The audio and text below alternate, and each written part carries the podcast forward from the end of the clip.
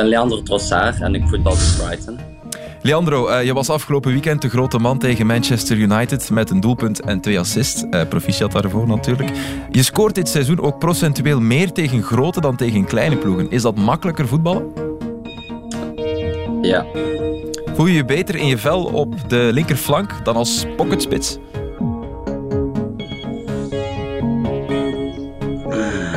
Ja. Oké. Okay. Uh, je gaat je laatste contractjaar in, Leandro. Acht je jezelf klaar voor een stap hogerop? Ja. Oké. Okay. Je scoorde in vier van je laatste vijf wedstrijden. Vind je het spijtig dat het seizoen er binnen twee weken al op zit? uh, ja. Kijk je samen met Moises Caicedo naar de Belgische play-offs? Nee. dat is eerlijk. Maar volg je de prestaties van Denis Oendaf op de voet, of een beetje? Uh, ja. Oké, okay. je gaat hem volgend seizoen beter leren kennen. Hè? Of misschien ook niet natuurlijk, afgaande op je vorige antwoord. Um, Leandro, je werd bij Genk kampioen onder Philippe Clement. Verbaast het je dat hij nu al ja, een Europese topclub leidt? Nee. Zie je een coach in Toby Alderweireld?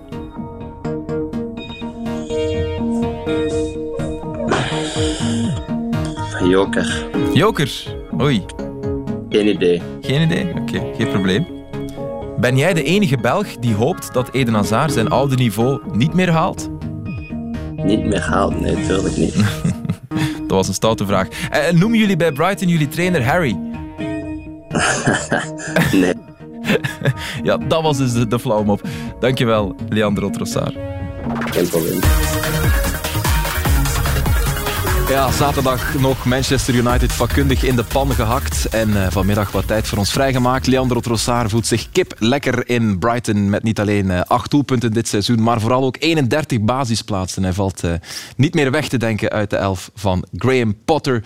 Die hij dus niet Harry noemt. Sorry Leandro voor uh, de flauwmop. Inderdaad. Goedenavond. Is echt een tovenaarstrainer. Hè? Die doet het fantastisch. Ja, met, potterbal dus, is een begrip hè, in, uh, in Engeland. Uh, ik ga eerst de mensen nog goedenavond Zeker. wensen. Goedenavond en welkom bij Extra Time met Philippe Arnar, Gilles Mbeyebeya en Toby Alderweireld. Hele toffe tafel vanavond. Merci allemaal om, om te komen. Goedenavond ook allemaal. Toby met de deur in huis. Wat is het plafond? En waar ligt het plafond van Leandro Trossard? Oh, zover hij zelf voelt, denk ik. Ik denk uh, iemand met heel veel kwaliteiten, uh, harde werker. En die dit seizoen zeker laat zien dat hij op, uh, op een hoogste niveau het verschil kan maken. Dus ja, fantastisch. Heeft hij zijn plaats in de kern van, ik zeg maar iets, Spurs? Oh, ja, hoe hij nu speelt wel. Ehm, nogmaals, heel veel kwaliteiten, goede kop erop, die ook het team helpt verdedigend. En ja. dat heb je nodig in, in, in die topclubs. Ja, dat is waar. Staat nu negende met, uh, met Brighton na een 4-0 zege tegen uh, Manchester United. Leandro Trossard dus afgelopen weekend goed voor een doelpunt en twee assists. Maar uh, Brighton kwam wel op voorsprong via een, een andere oude bekende van in de Jupiler Pro League. Eerder dit seizoen nog bij Beerschot, Moises Caicedo. De trots van Ecuador tegenwoordig. Werkt het heel goed af. Het was natuurlijk de capitulatie van uh, Man United, laat ons eerlijk zijn. Maar Brighton voetbalt dit seizoen echt wel uh, heel goed, hè, Filip? Dit is koekoereja. Ja, op United verloren ze en hebben ze de eerste helft maar echt voetballes gegeven aan United. En toen was er een geweldige goal van Ronaldo. Dus, maar voor het, het is echt een ploeg met ja, zeer veel voetballend vermogen en een heel goede coach. Als je dit ook ziet, Groos. En Ronaldo denkt er het zijn van. Ja, maar hij had ook kunnen lopen naar de keeper dat hij die lange bal niet kon trappen. Zwat, hè? Ja. Hij had ook wat meer uh, ja. best kunnen doen, zeg je. En dan hier, kijk, Leandro met uh, de mooiste goal uit zijn carrière. maar hij telt. En het was een geweldige avond voor, uh, voor Brighton, dat een stabiele eerste klasser is, is geworden. Het is wel goed van de VAR, vind ik, dat ze dit niet afkeuren. Ja, dat is waar, dat dat zomaar gekund. Ja. Uh, Gilles, ik ben blij dat je eindelijk eens kan aanschuiven. Yes, eindelijk. Als, uh, ja, inderdaad. Maar echt waar, met veel plezier als, uh, als podcaster bij, bij Koelkast Sport, yes. voetbaldier en tot voor kort ook teammanager bij de belofte van, ja. van Antwerpen. Maar je bent er nu weg, zeker? Sindsdien, sinds voorbije week ben ik teammanager van de Red Flames U17. Ja. Oké, okay, dus transfer gemaakt naar, naar Tubeke. Ja. Oké, okay. en wat moet je daar allemaal doen eigenlijk? Wat, wat houdt jouw taak? Oh, vooral uh, de administratie opvolgen van de Flames U17. Okay. En uh, ook met het kitteam van de Rode Duivel ondersteunen. Dus uh, we gaan samen naar Qatar. Voilà. Hopla, fantastisch. Kijk eens aan. Ja, ik wou hier aan tafel omdat ik jou... Alleen Arnar eigenlijk niet naar Qatar dan. Ach man. Ja, Arno, wat is er, wat is er misgelopen? Heel veel. De road to Qatar was eh, very hobbelig. Ehm, je bent ook erg actief op Twitter. Hè. Ik zie jou constant tweeten over elke match die er op, eh, op televisie is. Ik probeer zoveel mogelijk voetbal te volgen. We hebben nu een podcast gestart sinds een jaar met wat vrienden. En, eh, we proberen om eh, wekelijks twee tot drie keer een filmpje up te laden waar we over voetbal praten. Ja. En eh, ja, tijdens het voetbal kijken dan eh, leven wij heel intens mee. Dan, eh, Komt dat op alle sociale media kanalen wel eh, te Ja, klikken. ja dat, is echt, dat is echt de moeite. Eh, ik heb altijd het gevoel dat ik heel veel voetbal kijk voor mijn werk. En Philippe, jij kijkt nog meer, dat weet ik. Maar Gilles, volgens mij ga jij boven ons allemaal nog. Dat is echt zot. Ben je er trouwens oké mee dat er een ex-beerschotter aan tafel zit? Ja, geen Oké, probleem. geen probleem. Jullie kunnen samen... Ik ben ex-Antwerpener, dus Ja, ja, ja. Toby, je bent even terug in, eh, in België. Hoe is het in Qatar? Goed. Ik denk eh, een goed seizoen gedraaid. Dus, eh, maar ook weer blij om even terug in België te zijn. Ja, het seizoen is nu even eh, gedaan. Ja, het is wachten op de Champions League, zag ik.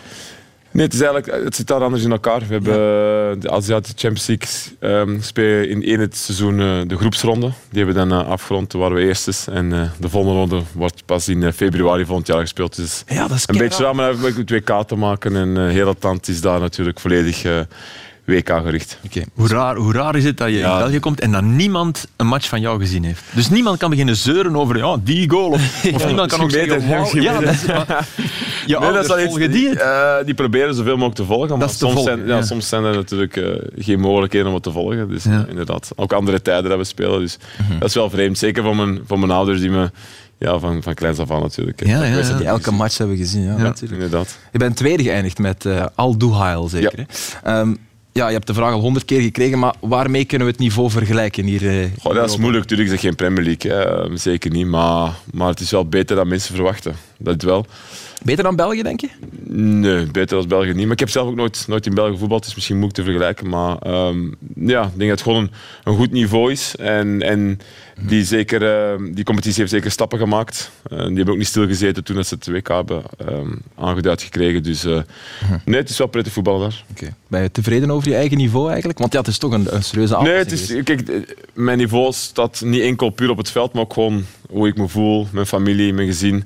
En dan heb ik wel de juiste keuze gemaakt. Ehm, ik heb denk ik zeven jaar Premier League had ik achter de rug. En dit was een, een goede stap. Ehm, en ja, ik ben wel tevreden hoe het seizoen eh, gegaan is. Oké. Is dat Milson daar Ja. fenomenaal? De Red Wilson ja. van de ja, ik denk dat hij de laatste maanden ook wel ik weet niet, ook een, een, een beetje een klik in zijn hoofd heeft gekregen. Ehm, en gewoon heel professioneel is beginnen voetballen. En, en eh, ja, nee, het een heel hoog niveau heeft gehad de laatste, de laatste maanden. Dus eh, ja, echt, echt heel veel kwaliteiten vind ik. Ja. Goed binnengekopt. eh. En jullie hebben de belangrijkste beker ook gewonnen, Ja. zeker? De Emir Cup is Emir daar, eh, is daar het belangrijkste. Dus ja. Het is wel, belangrijk, allee, het is wel leuk als je naar een club gaat die uiteindelijk ehm, dat je dan een prijs pakt. Dat is wel, dat is wel leuk. ja. Na al die jaren Tottenham. Sorry, ja. Gevoelig, gevoelig. Jij bent een voorzet. Ja, moet ik binnenkomen. Je hebt in je carrière veel meer goals aan de eerste paal gemaakt dan aan de tweede, toch? Ja, hè? inderdaad. Ja, hè? Ja, ja. Dit is echt een typische. Dit is, eh, die je ook in Engeland maakt. Ja, inderdaad. Ja. inderdaad. Oké. Eh, we gaan straks verder praten over, eh, over Qatar en ook de Rode Duivels, beste voetballiefhebber. Maar eerste momenten die zijn er dit seizoen nog, dus we gaan er nog van profiteren. Arnar, jij mag beginnen. Ja, ik ga toch terug, terug naar Engeland, naar Brighton. eh, dus eh, Lukaku heeft een nieuwe baas. Eh, Ja. Hier zien we hem. Amerikaan. Tot eh Bowley of Bowley, het is moeilijk uit te Todd spreken. Bowley. Bowley, Ja. ja. gek. Maar hij was dus voor de eerste keer op, op Stamford Bridge dit weekend. En Lukaku heeft dat toch wel goed gedaan. Penalty hier zelf geforceerd. En lekker binnengetrapt. Toch wel eh, een moeilijke maanden achter de rug. Hier eh, balverlies van eh Woels en Pulisic met een mooie pas en heel mooi afgewerkt. Met Veel rechts. zelfvertrouwen, toch? Ja, gewoon met, met rechts rustig goed in, in de hoek geschoven. En ja, de nieuwe Bas was tevreden. Ik weet niet hoeveel dat hij van voetbal kent, maar ik hoop een beetje.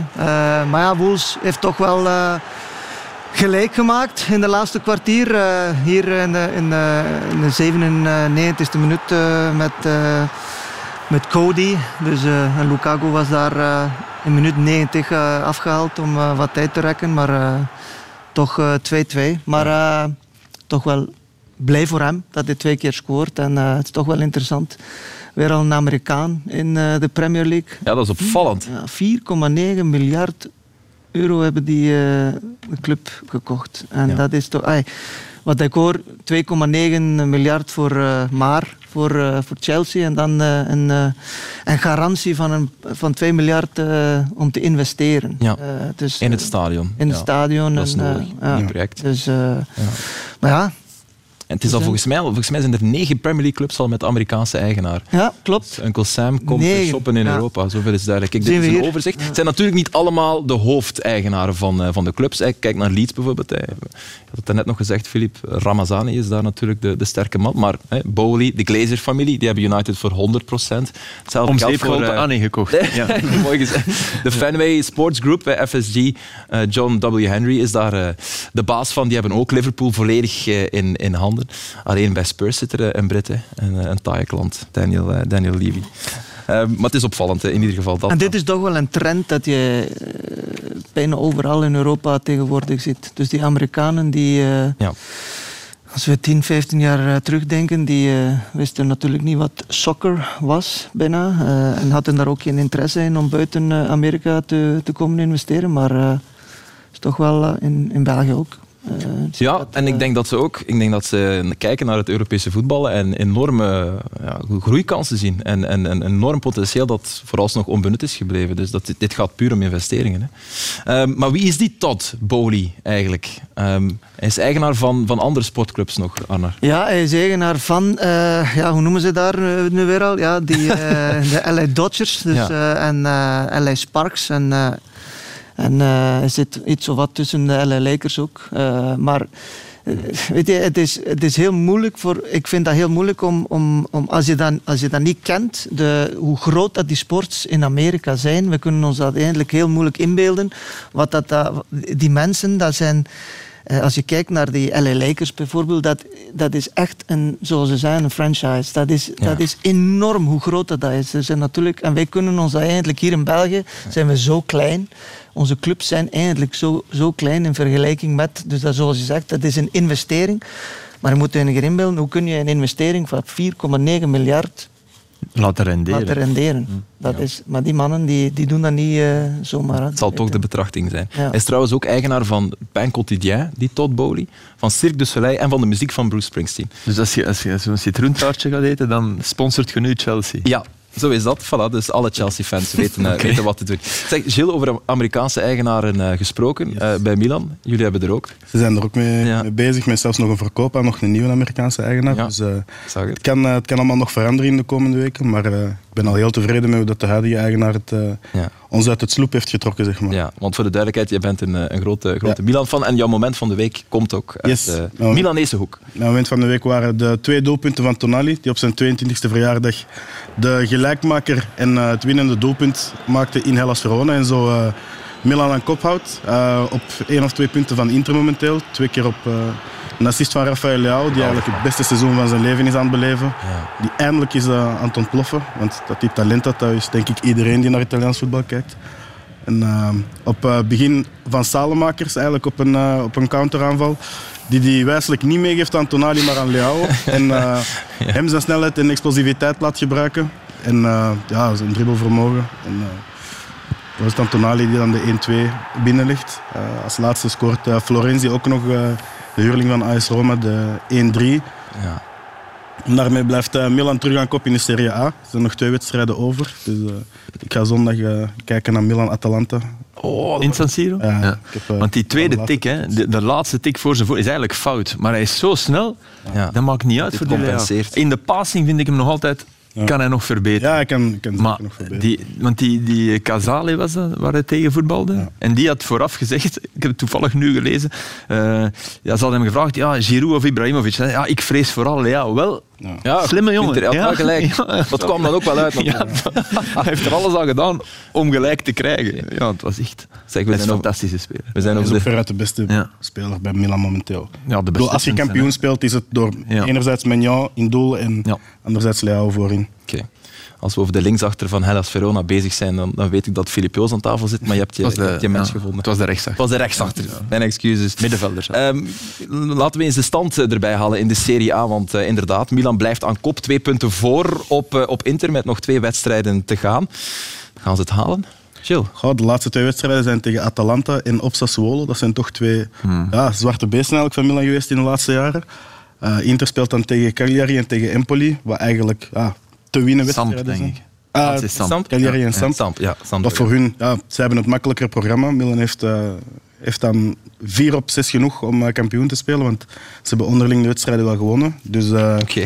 vooral hopen op een overwinning zondag en eh, Ja. dan tegen Sassuolo vooral niet de boot ingaan. Het is sowieso een mirakel dat ze de voorbije wedstrijden tegen, wat was het, Lazio, Fiorentina, allemaal eh, ongeschonden zijn, zijn Het doorgekomen. mooie is zonder, zonder eh, belachelijk veel geld uit te geven. Met, heel, met, met nieuwe principes, niet meer met Raiola werken. Oké, dat kan nu niet meer, maar ook voor Dini. Ja. Maldini en Eh, Massar hebben daar ja. inderdaad iets fantastisch Ja, neergezet. En in het begin kritiek gekregen, hè, want supporters Ja. dachten, ja, oh, eh, wij gaan negende worden, want ja, als je niet meer Ja. met die topmakelaars werkt. Ja, maar het is echt wel rechte lijn. Ja, als je ziet de jongens die ze zijn gaan halen, ook Leao van Lille. Tonali van Brescia, eh Benacer kwam ook maar van Empoli. Er, er is geen groot geld geweest, dus ze konden ook geen grote namen halen. Behalve dan jongens als ja, een Ibrahimovic en een Giroud, die dan ja, meer voor de ervaring erin zaten.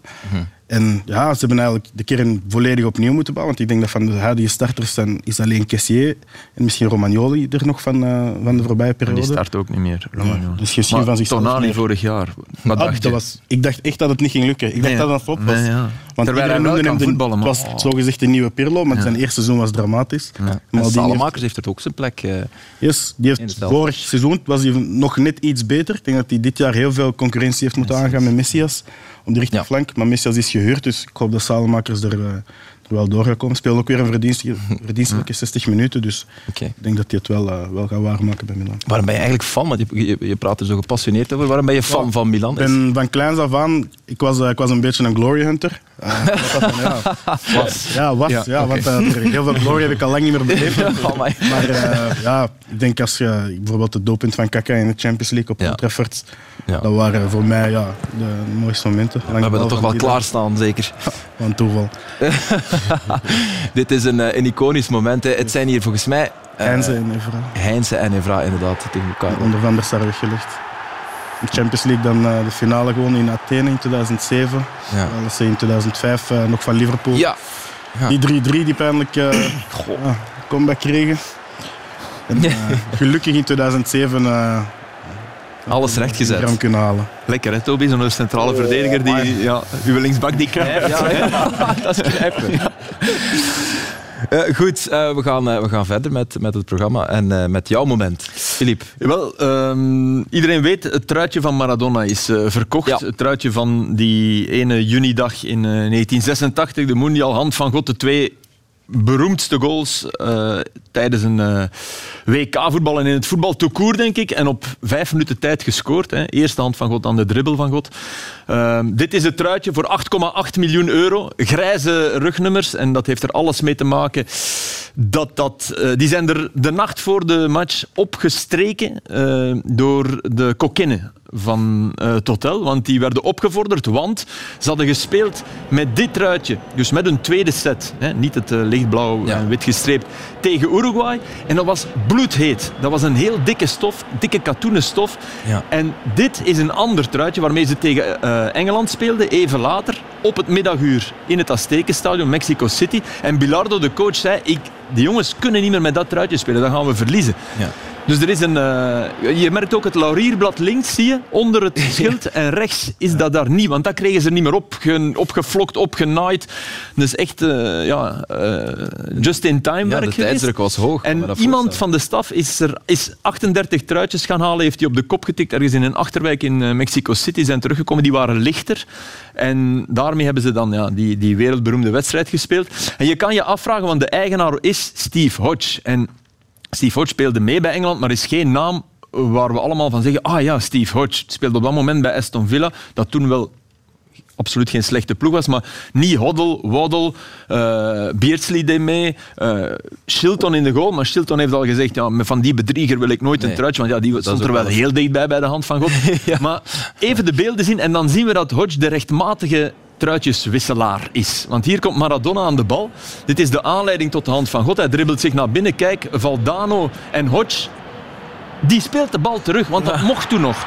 Je mocht terugspelen op je keeper en die mocht hij met de handen nemen. En Hodge denkt, ik ben safe, hoog genoeg. Hier komt Chilton, want het is echt een bedoelde terugspeelbal. Ja, dan komt er eh, Dus hij is de assist. een kleine kobol tussen vliegen. Hij geeft de assist. En dit is ook Hodge eh, in het lampje. Moet je even kijken. Die denkt, huppelen. huppelen, huppelen, huppelen. En als die man een beetje gelopen had, dan had hij daar... Ja, hij- dan had hij Maradona de pas afgesneden. Ik bedoel, dus... En niemand anders dan Hodge mocht nu, mag nu 8,8 miljoen euro op zijn rekening bijschrijven. Kijk, als je het nog eens ziet, is echt hilarisch. Hè?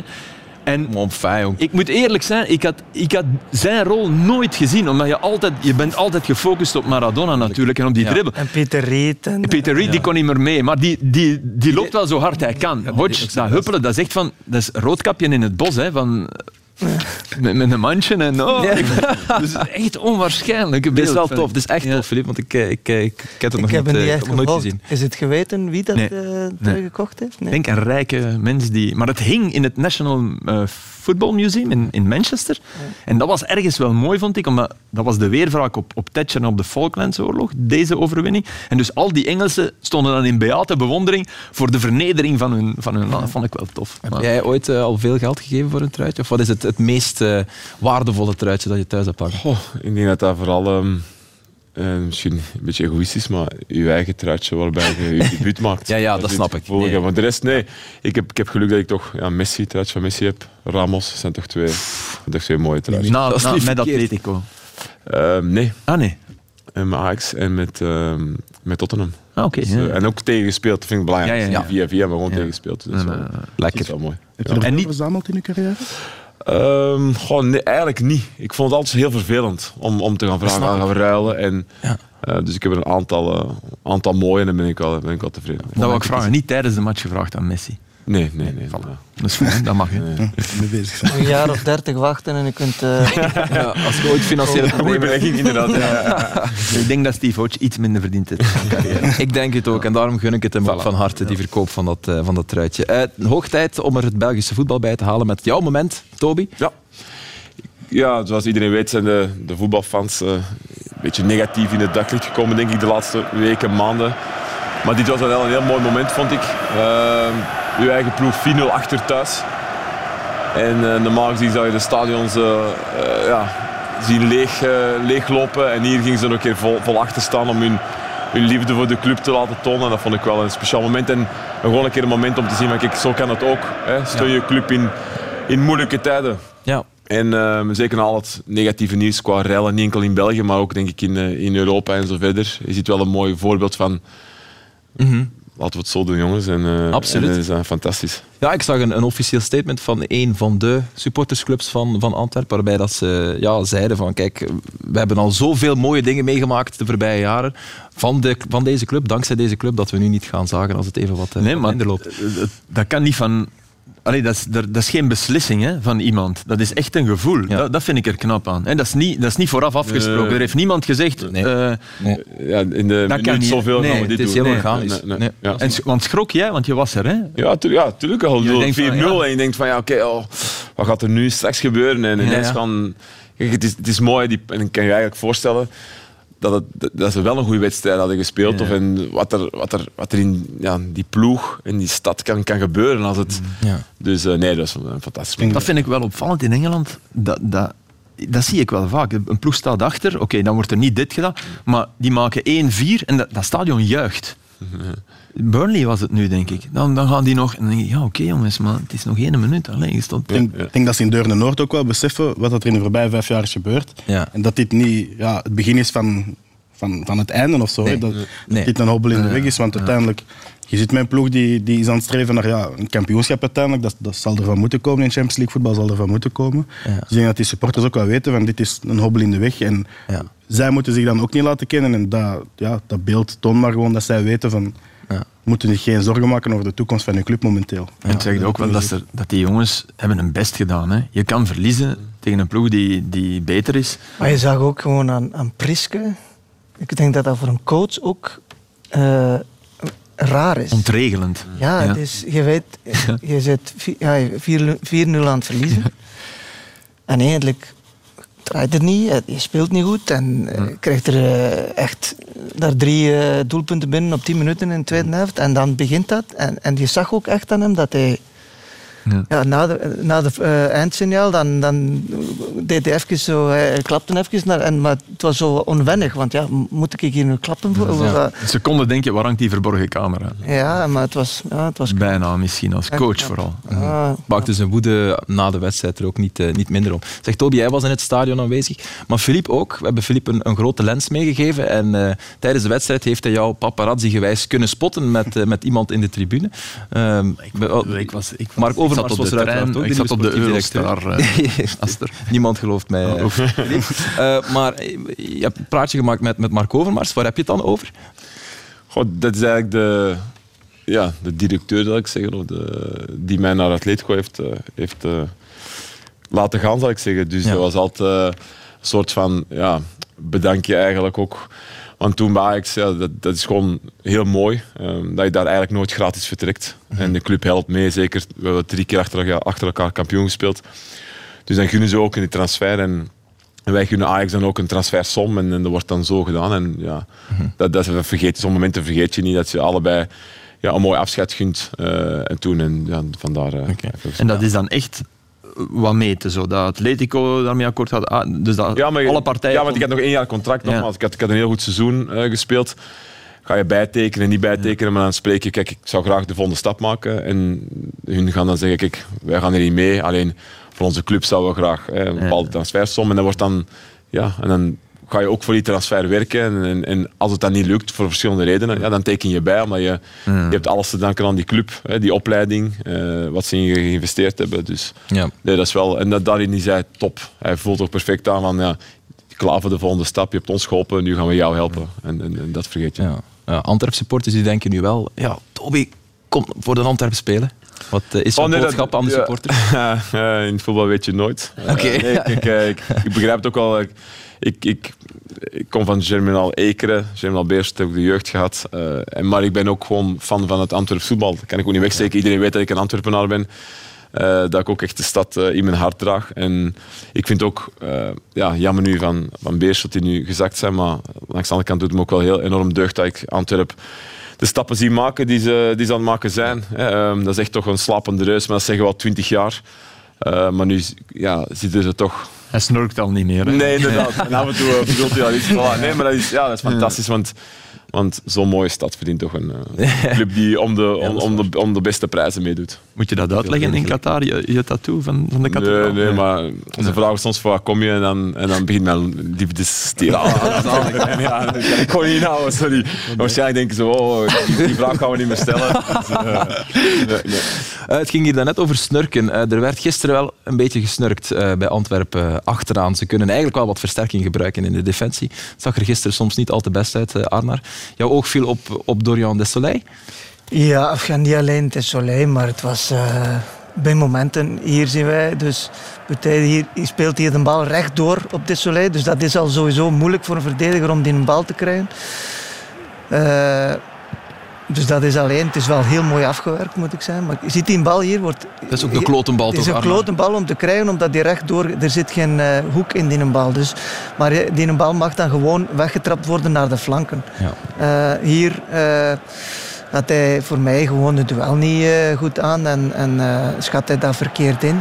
Eh, dat is een centraal verdediger en daardoor is natuurlijk heel het centrum open. Eh, en hier draait Arnstad wel ongelooflijk mooi, eh, mooi weg. En voor mij, daar, dat duel gaat hij ook met zijn rechtse voet aan. Moet het, eh, met, met zijn linker moet hij met zijn rechts. En dan staan ze gewoon allemaal te slapen, hè, zo gezegd. Eh, ze wandelen daar. Eh, Yusuf volgt die, die man ook niet.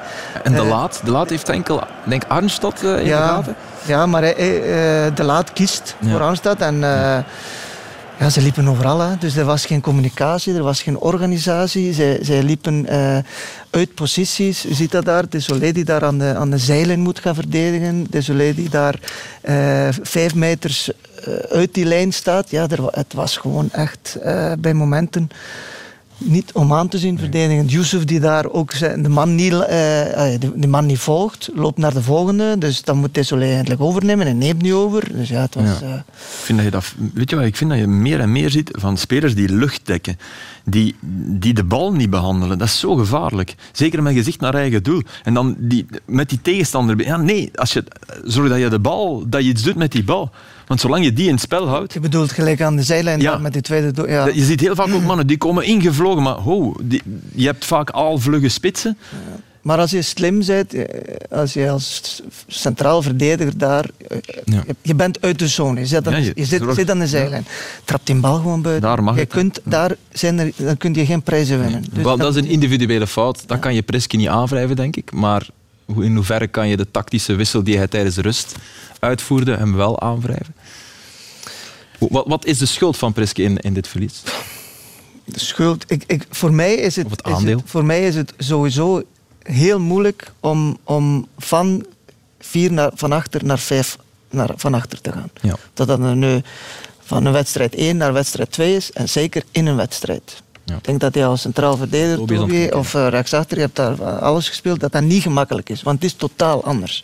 Wie moet er doordekken? Wie moet er blijven? Wie blij- Dus dat is, dat is moeilijk. Ik denk Maar- sowieso een, een, een systeem met vijf achterin of drie. Hè, want je kunt hoe je het wil zien, dat moet op getraind zijn en dan moet, iedereen moet perfect weten wat hij moet doen. En dan is het ook een enorm lastig systeem om tegen te spelen. Iemand die kunnen goed, goed wij hebben, denk ik met Tottenham zijnde, waren wij tegen Gent in de Europese uitschakelen. Puur omdat wij Ja, net gewoon niet wisten hoe dat we zo'n systeem nu wordt- spelen meer teams en Ja. weten we. Maar hij was de pionier hè, toen. Perfect. En dat is, maar dan, Ja, dat is waar. je kan niet zomaar zeggen, oh, we gaan maar vijf spelen. En, en dan, ik weet niet hoe hier in Antwerpen eh, het geval is of niet, maar, maar ik snap wel dat het enorm lastig is. ehm, om, om, om, je moet zeker goed voorbereid zijn om met vijf eh, achterin te spelen. Maar dat hij iets wou omgooien na die eerste helft, waarin ook al duidelijk was dat ze, geen, dat ze eigenlijk geen pot meer aan de grond kregen, dat snap ik dan weer wel. Of het de juiste wissel was. het is ook in die twee luik, de matchen Antwerpen, Anderlecht en Anderlecht-Antwerpen, dat het gaat beslist worden wie dat Ja. wordt, denk ik. Ja. Dus ik denk, ik snap wel dat ze op die moment zoiets hebben van we gaan voor het offensief. We doen en iets, want we spelen thuis, we staan Ja, er alleen achter. We brengen er een offensievere speler in voor een back. Op dat moment snap ik dat wel. En achteraf kun je natuurlijk Mhm. altijd zeggen wat juist was en wat fout was, maar ik, ik, snap, de, ik snap de wissel wel. redenering, ja, de redenering. Ja, hoe gaan ze hierop reageren bij Antwerpen? Chill? Met een overwinning op Anderlecht. Nee, nee, ik bedoel intern. intern. Goh, dat weet ik niet. Ik heb nooit eh, in, de, in Nee. de bestuurskamer zeg maar, gezeten, maar ik, eh, ik denk dat, eh, dat ze ik dit denk- seizoen gewoon moeten Voilà. focussen op die derde plek te behalen en, Ja. en dan vooruitkijken. Maar ook als ze vier- ja, ik bedoel, je gaat nu geen coach meer ontslaan. Hè. Nee, dat gaat nu Dat- niet dat meer gebeuren. Nee, daar daar Alleen dat ik niet op, maar in de kranten staat, hè, volgend jaar is hij er niet meer. Nee. de kranten weten het staat, zeker. er al, staat er al sinds oktober Dat ook. Hè. we Dat is waar, dat is waar. Dat is heel juist. Dat is heel juist. Dus of dat we de kranten daarin moeten geloven, ik bedoel, de eindbeslissing valt nog altijd maar bij, bij, een, bij een kleine groep mensen en die zullen tijdig wel beslissen Oké. wat dat er moet gebeuren. Veel leuker onderwerp. eh Francis Amouzou, een hat-trick. Is dat nu een lucky shot of is hij vertrokken? Filip? Ik weet niet, ik, ik, weet, ik zag gisteren Frank Boeks toevallig en die, die vertelde me, en dat, daar schrok ik zelf van, dat hij op, op training een van de allerbeste afwerkers is, Amuzu. Terwijl je dat in de wedstrijd niet, niet vaak het gevoel hebt, toch? Maar de manier waarop hij het gisteren deed, ja, dat was echt wel een aantal keren. Die eerste goal was al goed. Eh, ja, dit, is, dit is ook echt eh, goed tegenvoet. En dan, oké, ik begon daar dan over te denken en soms heb ik bijna het gevoel dat hij te dicht bij die paal wil trappen. Terwijl dit is gewoon cool, goed tegenvoets en neem, neem dat risico niet van. Gewoon een halve meter van de paal is goed genoeg. Als jij hard en tegenvoets trapt, zit die bal binnen. En wat het verschil natuurlijk is met op training, is dat je daar tijd hebt. En dat je in een wedstrijd soms overhaast kan zijn. En zeker snelle spelers hebben dat soms, heb ik het gevoel. Als je zo in overdrive bent, je- schot in overdrive is zelden goed. Ja. Je schot moet je, moet je plots even een soort kalmte hebben. En, maar dat had hij gisteren wel. Dus eh, ik geloof Boeks ook wel, dat die, die, die werkt ermee, die ziet Ja, dat. die Dus dat, niet- dat zal wel kloppen. Overliggen. En eh, het is wel een speler met een hoge gunfactor. Hè. Ik denk dat er maar weinig mensen... eh, Het is wel vaak zo, ja, in ondanks een beetje afgenomen dat hij niet zo efficiënt was. Want ik was ook zijn statistieken aan het opzoeken. Hij had ook nog geen enkel seizoen met meer dan zeven doelpunten of zo afgesloten. Dus het zal hem goed doen dat hij die hat nu heeft. En, en ja, hopelijk voor hem is hij natuurlijk vertrokken. Oké. En dan die andere wedstrijd, eh, beste voetballiefhebber. Eh, want ja, ik heb u al zien en horen denken. Waar blijven ze nu met de match van Play-off 1? Wel, een eh, wijs televisiemaker heeft me ooit geleerd dat je niet al je buskruid in het begin van de show moet verschieten. Vandaar nu het buskruid dus. Brugs buskruid van een Noorse voet en een Lommels voorhoofd. Het relaas van Union Club Brugge en van de nieuwe leider.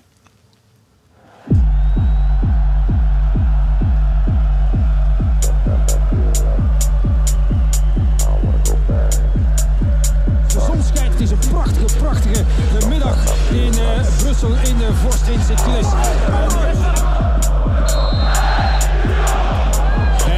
Op de rechterkant met de doorbraak. En Van Aken trapt. En het schot wordt afgeblokt door Dali met de plaatsbal. En rakelings over. Sokkie ervoor. Overgenomen op Bessar. Oh la la. In de handen van Mignolet.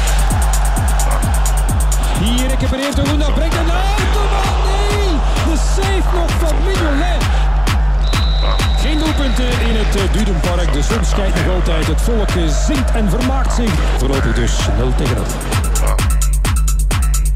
En daar gaat Lazar weer op de rechterkant. Kan hij er nog bij? Lazar schrijft in het strafschopgebied. Penalty of niet?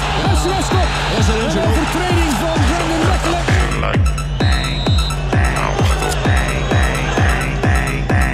Oh, ernaast, opnieuw ernaast. Tante van Zijr. Wie weet is dit een bepalend moment in de strijd om de titel. Skof Olsen van Aken scoort. Er is Hans van Aken. Daar staat hij op. Een koude douche voor Union.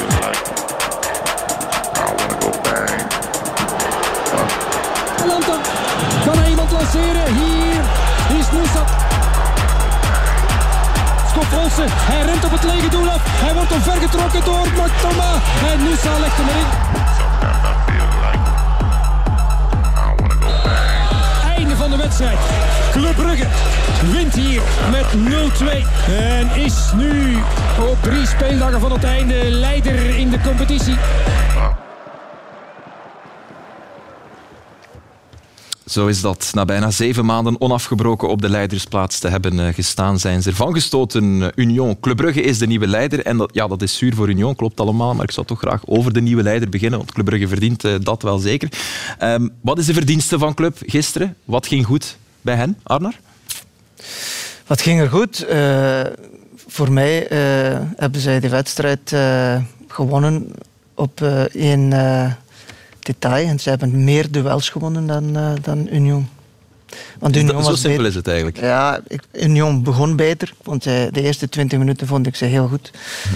Eh, en het is natuurlijk altijd in zulke wedstrijden, het hangt altijd van kleine details af. En penalty gemist. En daar, je ziet ook wel na de penalty Mhm. v- valt Union eigenlijk volledig weg.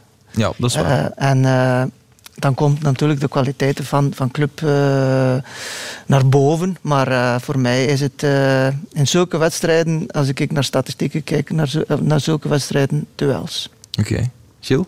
Het was ook geen penalty, denk ik. Hè? Als we daar eerlijk in moeten zijn, denk ik denk Nee, dat was een van de betere, van de betere daken was. Ja. Ik denk eh, ook het feit dat ze, de coaches precies op voorhand hadden afgesproken dat ze Nieuwkoop en Charlotte de Ketelaar voor elkaar een beetje opofferen. En eh, dat die elkaar zo uit de wedstrijd hielden. Ja. En ja, ja, puur efficiëntie ook, want die penalty je krijgt je nu eenmaal, ja, dan, dan moet je hem omzetten. En eh, dan was er veel te zeggen over, over omdat we Mazo altijd ja, huldigen als zo'n fantastische people manager. Dat misschien toch een bizar systeem is wat dat hij heeft van, eh, van de eerste penaltynemer. ja, dat is waar. Blijkbaar de tweede altijd vaststaat en de eerste Mhm. Ja, we, hebben dat hier eens eh, verklaard. Ja. Ja. Dus, Dus, het is eh, ofwel Van Zijr, ofwel Oendaf die als Ja. eerste trapt. Het is altijd te maals. eh, Wat ik gekker vind is niet kijken als coach. Dat blijf ik heel raar vinden. Naar de penalty. Ja, sorry. Dat is, dat is puur voor jezelf. Hè. Maar dat dan moet je niet waar. beginnen over de groep. Hè. Dat is echt voor jezelf als coach. En ik begrijp dat. Hè. Ik zou ook niet kunnen kijken. Maar in principe, als je de, niet anders doet dan zeggen wij zijn een groep en wij zijn goed en wij hebben vertrouwen en dan als penalty is ga je zo staan. Ja. Ehm, Ik zou dat niet graag zien als penalty zetten. Dat is gewoonte. Hè. Dat, is gewoon, dat is gewoonte en eh, bijgeloven. Ja, ja, dat is bijgeloof. En ik bedoel, Nogmaals, dat maakt hem geen minder. Maar ik vind dat een raar. Ik heb dat ooit tegen Jurgen Klopp gezegd. Ik heb ooit één keer hebt dat tegen Jurgen Klopp tegen gezegd. Jurgen Klopp gesproken. Die deed dat ook. En die, die, die zei: You're completely right, but I couldn't. En die liep door, want ben- ja, ik was maar. Ik heb nooit in heel mijn carrière naar een penalty gekeken. En als En jij stond daar ook in die huddle, kom Als er iets ik- is ja. dat ik wel was, dan Een was het wel ploegspeler. een, Ja, nee, nee, dat weet ik. Dus, eh, Dus, maar dat gaat puur over jezelf. ja, ja, dat is, ja, dat Ja. is een gevoel. Dat is sterker dan jezelf. een. Ja. Zeg, na dit soort wedstrijden en dit soort belangrijke overwinningen gaat het vaak over ja, hebben ze het verdiend of niet? Eh, dat is vaak een discussie die in het eilen blijft hangen, want ja, dat is persoonlijk vaak. Het gaat dan ook vaak tussen supporters. Maar je hebt eens naar de cijfers proberen kijken, Arnar. Jij als rationele, analytische mens. Ja, net zoals ik zei van eh, de duels. Maar het gaat eigenlijk, mij gaat het meer over bijvoorbeeld de, de verwachte doelpunten. Ja. In drie wedstrijden tegen een club dit seizoen heeft Union drie keer nul. eh, drie keer niet kunnen scoren. Maar wel eh 2,33, 1,65 en 1,66 verwachte doelpunten. Dus dan verwacht je wel dat ze meer dan nul doelpunten gescoord hebben. De club heeft veel minder verwachte doelpunten, dus 0,7, 0,78 en 1,24. Ja. Maar ze hebben wel drie keer gescoord.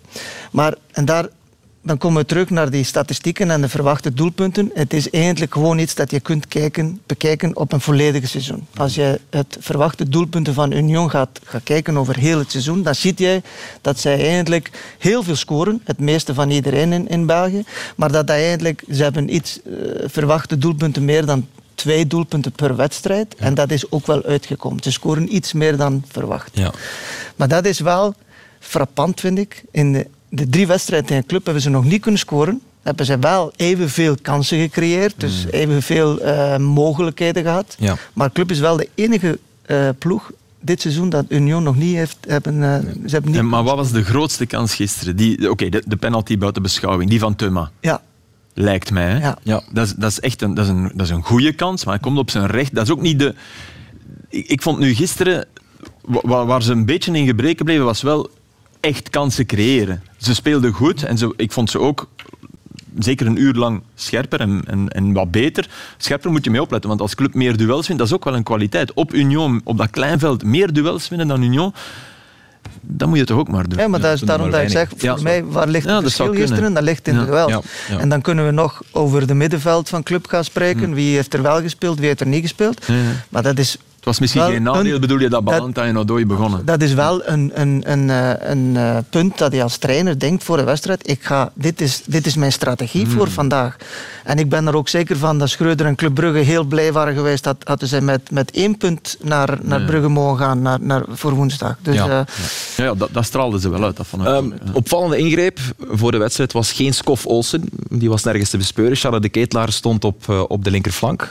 Was je daardoor verrast, Gilles? Want je hebt het net ook al verteld. Een beetje geneutraliseerd met, met Ze Nieuwkoop. waren elkaar een beetje aan het neutraliseren. Ik had, ik had het gevoel van... Charles de Ketelaar is toch eerder die offensieve speler. En ik heb hem heel veel in duels zien gaan. Terwijl ik hem... Ja, ik geniet meer van hem met, met de bal aan de voet met momenten. Ja. Dus eh, ja, op dat vlak... Misschien was eh, inderdaad Skof Ossen zijn taak gewoon volledig om Nieuwkoop uit de wedstrijd te halen. Hier staat hij echt op linksachter te spelen. hè? terwijl Charles de Ketelaar is ja, offensieve speler. Ik bedoel, maakt het tot bij de Rode Duivels. En is een van de betere spelers in de competitie. Dus het is, eh, het is jammer dat hij dan eh, misschien moet worden opgeofferd. Natuurlijk op het einde van de rit, als je die drie punten mee naar huis pakt tegen de leider, ja, dan, dan kan er niemand zeggen dat je een foute beslissing hebt gemaakt. Nee. En je moet wel zeggen, Gilles, als je hey, nieuwkoop, de energie dat hij soms in, die hij soms in wedstrijden legt, en dat was er niet gisteren. Nee. Is dat de ketelaars verdienste? Maar het viel wel op. En het is misschien ook van elkaar te moeten volgen. Ja, Want ja het zou kunnen. de ketelaar kan een heel match op u zitten, maar op het moment dat hij weg is, moet jij hem ook volgen. Want Ja. dat, is, dat is geen speler die gaat Of liggen. de angst voordat hij kwam. Misschien is het nog maar dat. Misschien is het een beetje Dat is moeilijk voor- elkaar ja, ja. wegcijferen. Want we hebben het vaak over statistieken, maar Ja. er zijn dingen zoals ja, geluk, angst en, en ja, zelfs, zelfs een momentum creëren, dat, dat kun je niet altijd... Want de ketelaar doet dat ook wel, vind ik.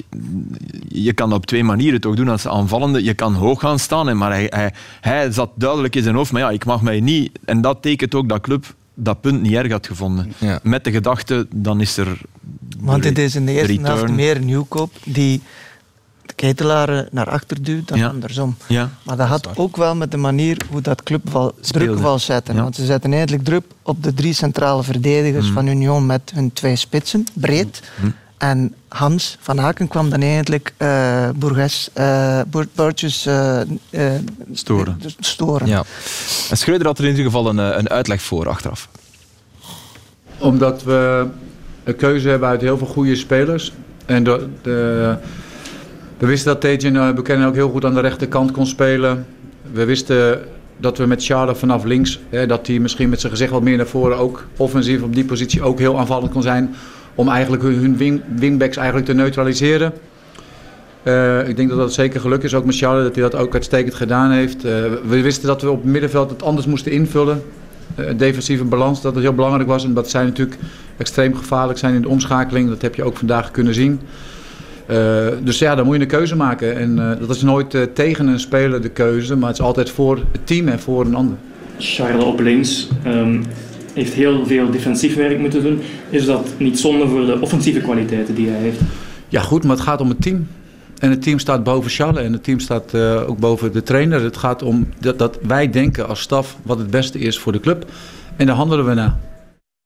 Ja, ik zie jou knikken. Toby? Nee, inderdaad. Uh, zo is het ook. Ja. De drie punten zijn het belangrijkste en, ja. en de rest moet zich uh, daaraan aanpassen. Ja, het is natuurlijk wel een feit. Zo'n komt erin, de ketelaar gaat centraal spelen, Scovolse komt uh, op rechts en vier minuten later is het prijs. Toeval of niet, de coach heeft altijd gelijk, snap ik wel als je wint. Maar het doelpunt kwam er wel na die, na die ingreep Skov Olsen vanaf die op het veld kwam. Krijgt hij natuurlijk ook wel de bal in een zee van ruimte, wordt niet opgepikt. Maar dit is een fantastische voorzet, hè, Toby en Van Aken. Ja, dat kan niet natuurlijk. Nee, ja, fantastische voorzet, maar toch weer eh, Hans. Een beetje, ik kan niet zeggen commentaar, maar ja, niet top in de. Ja, ja, maar ja, dit nee. is weer een moment dat hij daar weer. Het is geen toeval dat hij daar net weer op de juiste plek staat en, en die bal ook goed binnenkomt. Dus uh, ja, dat is echt uh, kwaliteit. Hij werd ook, denk voor een van de eerste keren, zeker onder Schreuder, een rijtje naar achter getrokken, omdat de ketelaar op 10 kwam, kwam te voetballen. Die achtpositie die is eigenlijk al gewoon van bij de, de Rode Duivels. Is dat ook zijn toekomst op clubniveau? Want hij heeft er wel oh, ja, goede matchen gespeeld. Ja, natuurlijk. Maar kijk, op 8 heb je ook, komt hij ook aan de bal. Hè. Um, en heeft hij ook nog het volume om eigenlijk in de 16 te komen. Hè. Als je echt puur op 10 speelt, dan komt hij misschien in de opbouw net iets minder aan bod. Want hij, heeft, hij loopt zo goed tussen de lijnen. Uh, hè, want je kan altijd wel de, de man aan de bal zeggen, ja, je moet uitvoetballen. Je moet, maar hij geeft je, in, zeker als je onder druk wordt gezet, hij geeft altijd een optie om, om, om een win te spelen. En op 8, in plaats van 6, op 8 kan je ook nog in die 16 komen. En zoals je daar zag, dat is echt zijn kwaliteit op de juiste plek, op het juiste moment. 10 goals, uh, één met zijn rechter. Oké, okay, straf. Ja, dat is echt straf. Ja, twee, maar daar, zit, daar is een penalty bij. Dus ja. één, één in het spel, dat, dat wil wel iets zeggen. Hè? Ja, dat wil zeker iets zeggen. Al vond ik hem weer uh, niet in de match. Nauwelijks in de match. Veel minder dan de, dan de echte Van Aken. Dat is, dat is wat jij misschien ook bedoelde of, of ook wel zag. Ja. Maar oké, okay, als je dan wedstrijd beslist, moet je er uh, zedig over zwijgen. Ja, maar hij heeft het zelf ook toegegeven, denk ik, na de wedstrijd. Dat het ook niet zijn, uh, zijn nee, beste maar ja, dat was aan de bal. Ook, we weten ook niet wat er gezegd is, is in de kleedkamer. tegen Union. Ja, maar dit en is dat is gezegd ook tegen Van Aken, uh, raak weinig de bal. Normaal doet hij het meer draaien. Ja. Maar om, als, je hem, als je hem hoger wil raken, en we hebben hem gisteren ja, ja. heel vaak zien, zien moeten inzakken, omdat ja. hij de bal uh, maar niet vond. Maar Union staat erom bekend, hè, om dat blok voor de defensie, Nielsen, Thuma uh, en Co. En Lazar, die ook weer goed was. En Skov Olsen dus met een directe impact, hij viel goed in. Uh, Schreuder had hem, voor hij inviel, getoond welke ruimte hij moest benutten. Je kon de posities van uh, Charles zien. En dat ze met Nielsen af en toe een doordekken waren. Dus toen ik heb hem gewoon verteld. Je moet goed kijken. Waar Nielsen doordekt, ga je in de rug lopen van Nielsen. Dat is het enige. Omdat, en ik vroeg ook aan, heb je daar vaker gespeeld? Niet zo heel veel. Maar dat je een beetje een zicht kan geven. Op het moment dat Nielsen gaat doordekken, dan moet hij in de rug blijven van Nielsen. En als we met Hans op middenveld aan de bal zijn, dan weet je dat die bal daar gaat komen. Ja, uh, ruimte in de rug van, van Nielsen. Je hebt er eens naar gekeken, uh, Arnar. Heb je ja, gevonden? Wat, wat, dat, wat, dat, wat dat hij hierover spreekt, is wel uh, over na minuut 70. Dus, maar het is wel zo dat... Ik vond Nielsen gisteren... Na de, 1, na de 0-1 bedoel het, het was no, ja. toen nog 0-0. Als, ja, okay. als, als Schovolsen daarin kwam, was het ja. nog 0-0. En vier minuten later... Nee, maar ik met 70 ja. Na, ja. Maar ik vond Nielsen gisteren, zeker tot aan het 0-1, veel...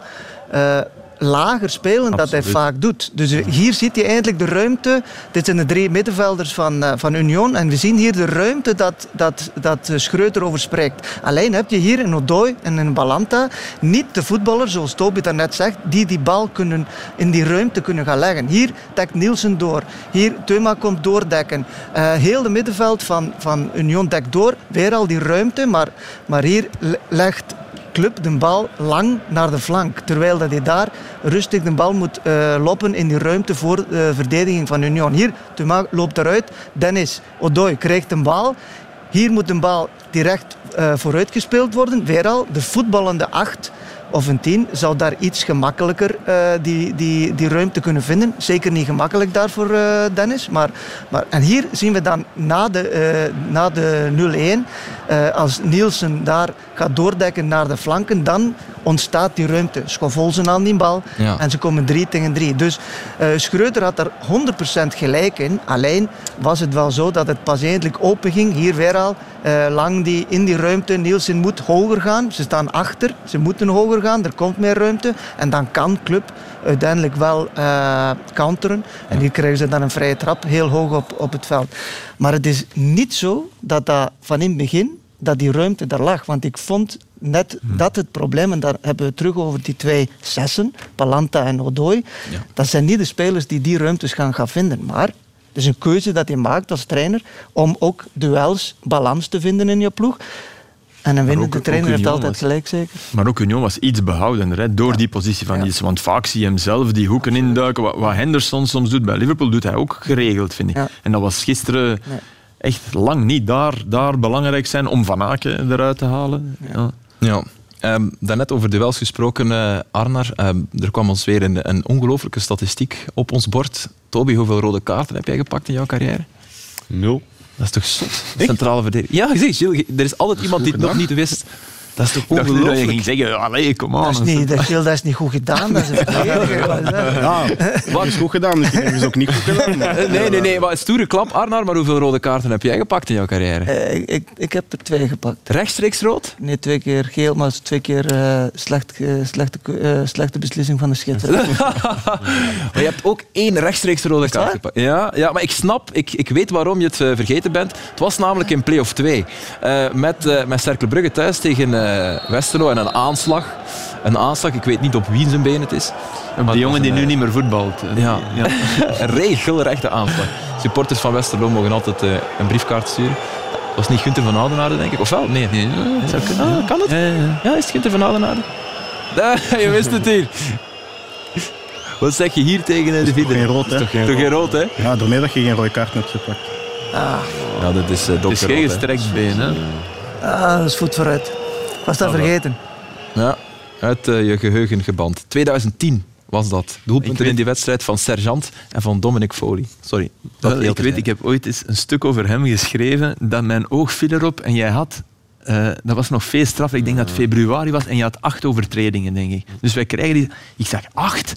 Wat? Hij wil, dat kan niet. Ja. Dus ik begin naar...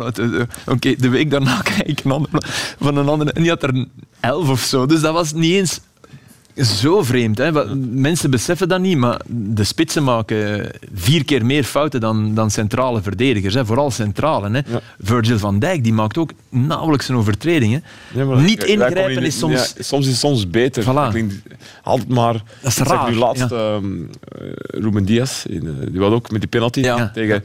Wilt iets, soms is het beter om... Ja. Laat maar en... Laat de fout maar... laat de fout maar, ja. laat hem maar de keuze De maken. maar- ja. laat hem de keuze maken om iets te doen. En als wij een beslissing maken, reageert vaak de spits of geeft hem echt de mogelijkheid van, ja, doe dit maar. Eh, dus dat was mijn, of is mijn, eh, ja, probeer ik mijn kwaliteit van te maken om, om, om zo lang mogelijk hem de beslissing te laten maken. En dan reageer ik. Dat is Je, je denkt heel de tijd Ja, eigenlijk. ik denk constant van ja, want als, Ja. ik, als ik iets doe, heel makkelijk gezegd, als ik naar links ga, gaat hij naar rechts. Als ik bijvoorbeeld, moet hij de keuze maken en sommige spelers die te veel moeten nadenken, die maken zelf de fout. Met Insigne kan het dan wel eens tegenvallen. Ja, inderdaad. Maar ja, ja. ja ik kon er wel eens... eh, ja, ik kon er wel eens eh, ja. Nee, kon er ook wel eens zijn dan momenten waar dat... dat ja. Nee, inderdaad. Ja. Ja. dan, denk, dan denk je van... Kijk, Verkeerd gegokt is dat. ja, gegokt. Ja. Het is niet echt gokken, maar dat moment ja, komt hij richting... Maar eerst dribbelt hij al Hmm. Ja. Jury Ja. eh, ervoor. Dus ik denk van, oké, als ik dan ook nog uitstap, Ja, ja, denk je van, hou hem voor je. Ja. En, en hij trapt hem ongelooflijk binnen. Maar ik heb zoveel vertrouwen in Thibaut dan moet je hem echt al de bovenop Ja. inschieten. Ja, dat doet hij dat dan. Ja. Want ja, Ja. maar goed, dat kan... eh, Dat was, dat was bij Ajax toch altijd, dat, wie, Frank de Boer denk ik, die, die zei van, we hebben altijd Sar nog. Ja, maar dat is was- toch wel... dat was ja, maar als, ik, als, ik, als hij op mij afkomt en ik, en ik ga... Ik noem het een beetje gokken, want Ja. als je hapt, Ja. gok je, Ja. gaat hij voorbij, dan maakt het lastiger. Laat hem van buiten 16 dan maar schieten. Alleen schot hij hem jammer genoeg. Fantastische tip voor jonge voetballers. Ja, ja, maar Dwing jouw tegenstander om iets te doen. De keuze, ja. Ja. ja. Geen cadeaus. Dan wordt het denksport. Meer dan... dan ja, waarom zitten jullie dan eigenlijk nog in de fitness? Je moet schaken. Ja, maar als het dan, ja, als ja. dat echt komt, dan... Ja. En we gaan nog één keer terug naar eh, Club Brugge Union, gewoon om het, eh, het overzicht eh, van de resterende wedstrijden van eh, beide ploegen nog te tonen. Eh, ik zeg Club Brugge Union, omdat die wedstrijd uiteraard deze week wordt eh, gespeeld. Woensdag is er de match. En dan eh, zondag Antwerp Club Brugge, Anderlecht Union. En dan een week later Union Antwerp Club Brugge, Anderlecht. Eh, club is natuurlijk in polepositie. Maar is Union al uitgeteld? Gilles, wat denk jij? Voor mij helemaal nog niet eigenlijk. Ik denk dat ze van, vanaf het begin van het seizoen tot en met december eigenlijk constant hebben moeten horen van het gaat toch niet lukken, het gaat toch niet lukken. En nu is die klapper misschien eindelijk eens gekomen en kan, kan zijn dat dat hun helemaal wakker zit omdat die nu zoiets hebben van we gaan, we gaan de rockploeg zijn dat we al een heel jaar zijn om tegen te spelen. Ja. En we gaan nu op Club Brugge echt alles vastzetten en, en twee omschakelingen en 0-2 winnen. Dus Mhm. ik, zou, eh, ik zou ze zeker nog niet, eh, nog niet bekijken als een ploeg die al verslagen is. En eh, dan zijn er ook nog de wedstrijden tegen, tegen Anderlecht en Antwerpen. Want iedereen gaat er altijd maar vanuit dat, dat ze daar ook allebei 6 op 6 tegen pakken. Nee, dat denk ik niet. Maar dat is, dat is zeker ook niet het geval voor mij. Dus het kan volgens mij nog tot de laatste speeldag Ik spannend. denk wel dat ze open vizier, volledig open op club. Denk je? Dat denk ik wel. Dat je dat eigenlijk nu moet doen. Niet, niet als je gaat rekenen nu. Is het niet net club dat nu zoiets gaat hebben van... Nu gaan we een, een prestatie neerzetten waardoor dat iedereen weet dat wij de kampioen zijn. Want zij moeten Champions League spelen. Tegenover Union, dat ja... dus we zijn Ja, het net, die club zouden op de ik moeten spelen. dat de doen. beste Dat bedoel ik. Ik zou, Ja. ik zou het doen nu. Als, ik zou ze echt loslaten. Ik zou het ik zou laten gaan. Ik zou, Zo, denk- zijn, zo zijn ze fantastisch Ja. spelen in Brugge. hè. op, op Brugge toen. Ja, alleen nu zit er publiek. Nu, Dat is inderdaad Is een groot hè? verschil. Dat was achter gesloten deuren en nu 30.000 eh, blauw-zwarte supporters. Eh, goed, wij gaan eh, eh, even de pancartes erbij halen van eh, de Europe Playoffs, want die hebben we nog eh, niet gezien. Dat zien we hier. KV Mechelen en AA Gent spelen morgenavond al. Racing Genk en Charleroi. Gent dat 1-0 won van KV Mechelen. Doelpunt van Okumo op het einde van de wedstrijd, uiteraard. En Charleroi en Racing Genk na een knotsgekke slotfase de punten deelden. Goed, eh, we hebben het al eh, over de titelstrijd in Italië gehad en die bij ons, maar er zijn eh, nog landen waar het spannend is. Engeland bijvoorbeeld met Liverpool en Manchester City uiteraard. Daar kunnen we eigenlijk nog drie afleveringen van Extra Time over vullen. En er is ook Nederland natuurlijk, waar Ajax dit weekend kampioen kon spelen. Maar door puntenverlies bij AZ hebben ze die kans zien kwijtgaan. Maar ik denk dat het er nog altijd goed uitziet voor, voor Ajax. Maar zondag zag het er wel even slecht uit voor eh, de club eh, in, in rood en wit. Want eh, PSV kon op twee punten komen. Waren het niet voor een dappere Feyenoorder die de Eindhovenaren in bedwang hield. En dat was vriend van de show, Cyril Dessers. Met twee doelpunten. Ja, ik mag er nooit zeggen van ja, Filip. Maar dat is er wel een beetje. Dit was prima gelopen. Maar nog niet goed afgewerkt. Zijn spitsentrainer zit in de tribune. En dan komt hier het moment van Sinistera, het overzicht. En dit is wel echt goed afgewerkt, toch? Dit gun je Toby als eh, ex-Ajax toch ook wel. Cyril Dessers, want dit is een doelpunt voor Ajax eigenlijk. hè. En dat was nog maar het eerste. Goed afgewerkt, een volle kuip. Hij heeft er een, eh, ja, een abonnement op. op eh, scoren voor een volle kuip. En dan gaat hij hier ook nog van op de stip de 2-2 maken. Het was niet echt een penalty, maar dan zal hij niet eh, ommalen. Ehm, hij moet 4 miljoen euro kosten. Dat is de optie die Feyenoord in het contract heeft. Moet hij het doen, Cyril? Hij moet Feyenoord het doen. Arman, wat denk jij? Ja, ik, kijk, ik, ik heb eh Cyril gekend als hij een jonge spits bij, bij Lokeren. En die jongen heeft zo'n goede neus voor doelpunten. Maar wat aan mij nu... eh, ik, ik, heb, ik heb vaak gezegd van... Cyril moet dit ook een keer bewijzen in België. Omdat het, het is moeilijker te scoren in België dan in Nederland. Maar wat ik nu altijd, heel, ja? ja, ben er wel eh, zeker van. Maar wat ik nu eh, heel eh, goed vind van hem. En dat, eh, dat, dat, ik zeg van ja, kijk, ik denk dat hij wel die 4 miljoen moeten leggen als ze die hebben. Is gewoon, als hij het nu kan doen in de Conference League tegen, tegen goede ploegen uit andere, andere competities. Als hij het kan doen nu bij, bij Feyenoord. Uiteindelijk is dat de eerste topclub. is de topclub in Nederland. En in de Kuip, dat is, er, daar zit druk achter. En dat vind ik knap van hem. En dat, dan zei ik van, kijk, je hebt stappen gezet. Je zit, je zit er klaar voor. Ja. En 4 miljoen, bedoel... Ja, maar voor Feyenoord is dat geen evidente nee, som. nee, maar, iemand anders die je dat aantal doelpunten garandeert, kost meer. Hè? Absoluut. Ja, dat is waar. Twee, drie maanden geleden zouden ze bij Feyenoord ook hebben gezegd van doe maar niet. Terwijl er nu Ja. hoort je al van overal komen dat het eerder een waarschijnlijk wel dan een misschien Ja. niet is aan het worden. Dus Was supporters geen crowdfunding? Ja, er is een fundraiser opgezet, maar dat is helemaal slecht, eh, slecht afgelopen. Want, Ja? ja, dat, dat mag dan blijkbaar niet volgens FIFA-regels. Het gaat om eh, third-party ownership, dat mag niet. Dus je mag geen geld inzamelen als supporters, als derde partij om een speler te kopen. En die mens heeft doodsbedreigingen gekregen en zo. Dus een goed initiatief, eh, slecht afgelopen. Eh, maar Feyenoord speelt in de finale van de Conference Van de League. FIFA dan. Infantino heeft Makker. Ja, die is daar zeker tot in staat, Ja, denk ik. Eh, maar nee, finale tegen Roma natuurlijk live te volgen eh, binnenkort, hè, over een paar weken eh, op, op Canvas, met commentaar van Filip Joos. 25 mei is het. hè. Ja, 25 mei op een, op een woensdagavond. Eh, maar Roma ook geweldig voor hen dat zij die finale spelen. Ja, het moet erin voor Toby, hè, voor, eh, voor Mourinho. Ja, Is dit echt, Toby? Dit ja, beeld. ja dit beeld dat we... De huilenbalk in eh, Mourinho. Zeg eens. Het is al mooi dat je twijfelt. Nee, maar ik denk, kijk, deze man heeft ook enorm veel passie voor het voetbal. Dus Ja. ja. Het is toch En, en, en kijk, ik heb laatst een statistiek gelezen van hem met die, denk ik, ehm, elk vol seizoen haalt hij een finale of zo. eh, dus kijk, ik moet niet heel super veel respect hebben voor deze man. En, en hij weet natuurlijk alles heel goed te bespelen en zo verder, maar ja, knap. Heb je hem in de bos al... Wou je hem niet achter de muur dat was toch Ja, weet je, dat- dat vond ik zo ja, vreemd. dat- ja, Dat jij vreemd. niet en ik even moest, en ik zeggen, moest ook die persconferentie niet. doen. Dus dan denk ik van oké, ik ga wel spelen. En, Antwerp eh, Tottenham, hè, Ja, zeggen voor- inderdaad. ja. ja. Ja, en, ehm, ja, inderdaad. En, en, dus ik ging er ook vanuit dat ik ging Ja. spelen. En opeens zie je... en eh, kijk, normaal ben ik s- super prof. Ja. Eh, speel ik niet, prima. Team komt nummer één. Maar dan had ik misschien wel iets gehoopt van... Had toch iets gezegd. Je? Ah, wel, Van, en oké, weet dan je, ik ga niet naar de pers, want je bent in België, in je eigen stad.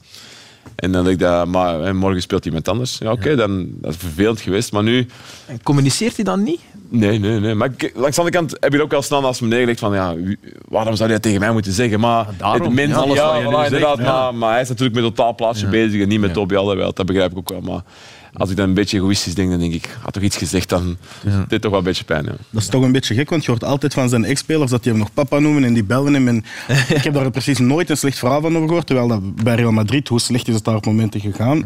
En toch heeft er achteraf nooit zo iemand iets slecht over gezegd. Dus ik had gedacht van, dan zou Mourinho net wel diegene zijn die tegen u zegt Ja. van kijk, ik snap dat we in Antwerpen zijn en dit en dat, maar toch kies ik voor, ja, voor iets anders. Ja, voor Mourinho op dat moment is dat gewoon een wedstrijd zoals Ja, maar ja, is- dat, is dat, ook heel snel. Dus het is niet dat ik eh, huilend eh, in mijn kamer zat, maar eh, toch bijna. De kathedraal even gekust. Zicht op de kathedraal. Hij ziet op het centraal station inderdaad. Nee, dat meen je. Het regende een beetje, dus dat was wel... Waar zaten jullie? Ja, we zaten in de Radisson Blue. oh, Ah, ja. over, over het centraal station. Dus, Ja, oké. ja. Dus, ja. Oké. Eh, zullen we nog even Mourinho aan het woord laten? Nog snel, want ook na de wedstrijd vond hij de juiste woorden. Vittoria di famiglia, Ehm, non solo della famiglia che era in campo e che era in panchina, la famiglia che era in- nello stadio. Questo è il nostro merito più grande. You know, when uh, you work in Rome, you live in Rome, you breathe Rome, and you bring you breathe this club because this club is the real club of the city. Uh, it's the victory of Rome, a team without the biggest talent uh, in the world, like other clubs have, but a real family. And in, in football families, they reach big things. Je vu pas l'opportunité de jouer la finale avec Tottenham parce que M. Levy a décidé trois jours à- avant la finale de ne laisser pas jouer. Mais maintenant, j'ai fait de la demande à notre propriétaire et M. Friedkin m'a dit que tranquille, que, que je vais jouer la finale à, à Tirana. Geweldig, never change, eh, Mourinho. En dat gaat ook niet meer gebeuren. Goed, om af te ronden kijk ik nog even naar jou, Toby. Ben je in de vorm van je leven? Klaar voor het eh, WK? Ja, echt wel. Ik heb er eh, enorm veel zin in en die focus is daar 100%. Ehm, ik heb natuurlijk dus de, de nationale ploeg een tijdje niet meer gezien. Dus ik kan enkel voor mezelf spreken. Maar ehm, ja, die, eh, dat gevoel zit er al zeker in bij mij. Ja. Je bent fitter, zeg je, dan een jaar geleden. 100%, ja, zeker ook mentaal. En, eh, Ik heb echt tijd gehad om, eh, om aan mezelf te werken, omdat er net iets minder wedstrijden speelt. En ja, dat heeft mij alleen enkel maar goed gedaan. 100%. Ja. Scherper ook.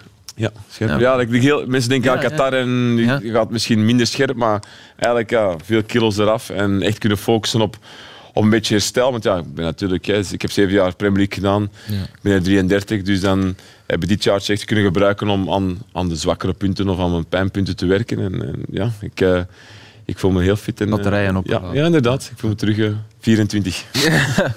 Wat is de hoofdreden waarom je naar Qatar bent gegaan? Wat heeft... Ja, het meeste familie. Gewoon, ehm, ja, ehm, ik heb natuurlijk lange tijd Premier League. Eh, ik ben heel trots op de aantal caps dat ik heb eh, gehad van de nationale ploeg. Maar het betekent ook altijd reizen, het weg zijn van familie, het weg zijn eh, van je gezin. Ik heb twee kleine kinderen. Ja. En het was gewoon een moment, eh, denk ik, om, eh, om even daar ook alle aandacht en terug het, ik kan niet zeggen het plezier, maar natuurlijk de gretigheid die begon ik een beetje te verliezen op het einde. En dat heb ik nu volledig teruggevonden, terug de liefde voor het spel. En dat is uiteindelijk het belangrijkste. Oké. Hoe is dat eigenlijk nu om, om voetballer te zijn? Kan je daar nu voetballen eh, in deze temperaturen nu? Of is Ja, het nu, echt- valt nog, nu, is is het het, ja, nu gaat het nog wel, maar ik denk, eh doet er nog twee maanden bij en dan, Ja. dan is het echt heel lastig. Ja, want ik zei dat je in een interview eh, zei, ja, oktober is het ook nog echt nog meer dan 40 graden. Dus dat is wel dicht tegen het... Ja, nee, maar eigenlijk WK. no- in no- in november, wanneer gaan wij weer... Allee, dat was dit seizoen dan, dit jaar, valt het eigenlijk helemaal goed mee. En is het eigenlijk een perfecte temperatuur om, eh, om, te, om te voetballen. Oké.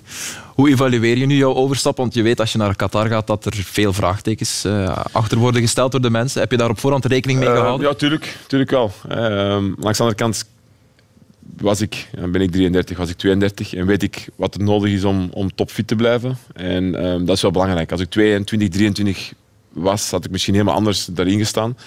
Maar juist door de, door de kennis en, eh, en de ervaring die ik heb, wist ik perfect ehm, wat ik moest doen en wat ik moet doen. En ehm, nee, nogmaals, het is eigenlijk 100% meegevallen en eh, het is heel de, de juiste keuze voor mij geweest. En heb je veel kritiek gekregen op het feit dat je weet de omstandigheden van arbeiders in Qatar, Ja, alles inderdaad. wat er Alleen ik, kijk, wie ben ik om daar commentaar op te geven of zeggen dat het niet zo is, verre van. Maar ik, ik, ik kan alleen enkel, en natuurlijk ben ik een bevoorrecht persoon, maar ik kan enkel maar geven en zeggen wat mijn ervaringen zijn in het land. Ehm, de mensen die daar werken zijn enorm dankbaar dat ze die kansen krijgen. Hè? Want bijvoorbeeld veel Filipijnen of, of van de Filipijnen komen of van, van, van India, of die, die hebben in hun eigen land geen werk. Die, die komen naar daar en die krijgen daar werk. En met de mensen die ik spreek, zijn die enorm dankbaar. En je Eh, spreekt ermee, Toby. Je Natuurlijk, ja, hebt, want er eh, komen mensen. Ja, het is, contacten, natuurlijk zijn, en er zijn, Ja. hè, mijn kinderen gaan daar naar school. Hè, ehm, Maar ja, maar niet, niet naar een school waar ook die Filipino-kinderen gaan. Nee, nee, nee, maar die, die, Nee, nee. kijk, daar zit het. Ik- zit het, er zit nog anders in elkaar. Bijvoorbeeld, die Qatarezen die worden gebracht door chauffeurs. En die mensen werken daar. En bij ons komt er in de bouw, eh, want dat is dan een- bijvoorbeeld een gym, zwembad en zo verder, waar ik dan kan trainen. Ja. Daar werken enorm veel mensen. Natuurlijk praten wij daarmee. Dus en, die- en, ja. die, en mensen, die bij ons komen werken, werken ook, die, die zeggen, kijk, wij, wij zijn niet gelukkig. Hè. Wij, wij kunnen hier, door het geld dat we hier verdienen, kunnen we onze familie in de Hmm. Filipijnen kunnen onderhouden. En natuurlijk spreek ik ermee. Maar nogmaals, ik, ik zit in een bevoorrechte situatie, dus ik kan niet zeggen dat het heel het land zo is. Ehm, maar ik, ik kan ja, niks op bijvoorbeeld over, over de vrouwen. En, ja, die hebben enorm veel rechten daar. Mijn vrouw is daar super gelukkig. En die kan doen wat ze eigenlijk een beetje wilt. Dus, tuurlijk, Als buitenlander natuurlijk. als buitenlander, maar je moet ook weten van ja, dat land heeft wel bepaalde regels. En wij komen naar daar en wij, wij zijn daar te gast, dus wij volgen die regels. Maar ehm, nee, enkel maar, maar positief. Maar dat betekent niet dat die problemen dan niet zijn. Begrijp me Nee, nee, zeker niet verkeerd. Ehm, dus het is alleen maar op deze manier dat, we, dat ik ja, eh, heb, heb kunnen meemaken en, en, en positief, ja. Maar hopelijk is dit ook een moment dat we de, de, de problemen die er dan wel zouden zijn, ehm, dat we die daarmee toch wel onder het licht kunnen zetten. Oké. Merci, Toby, om eh, hier vandaag aanwezig te zijn. Graag gedaan. En om over voetbal te babbelen. Het was een, eh, een heel fijne aflevering. Arnar, Gilles en eh, Filip ook. Dankjewel. En jouw beste voetballiefhebber zie ik graag. Volgende week terug. Eh, wie weet hebben we tegen dan een kampioen. Het zou zomaar kunnen. Dat zullen we dan wel zien. Vele groetjes. Merci om te kijken. Tot dan.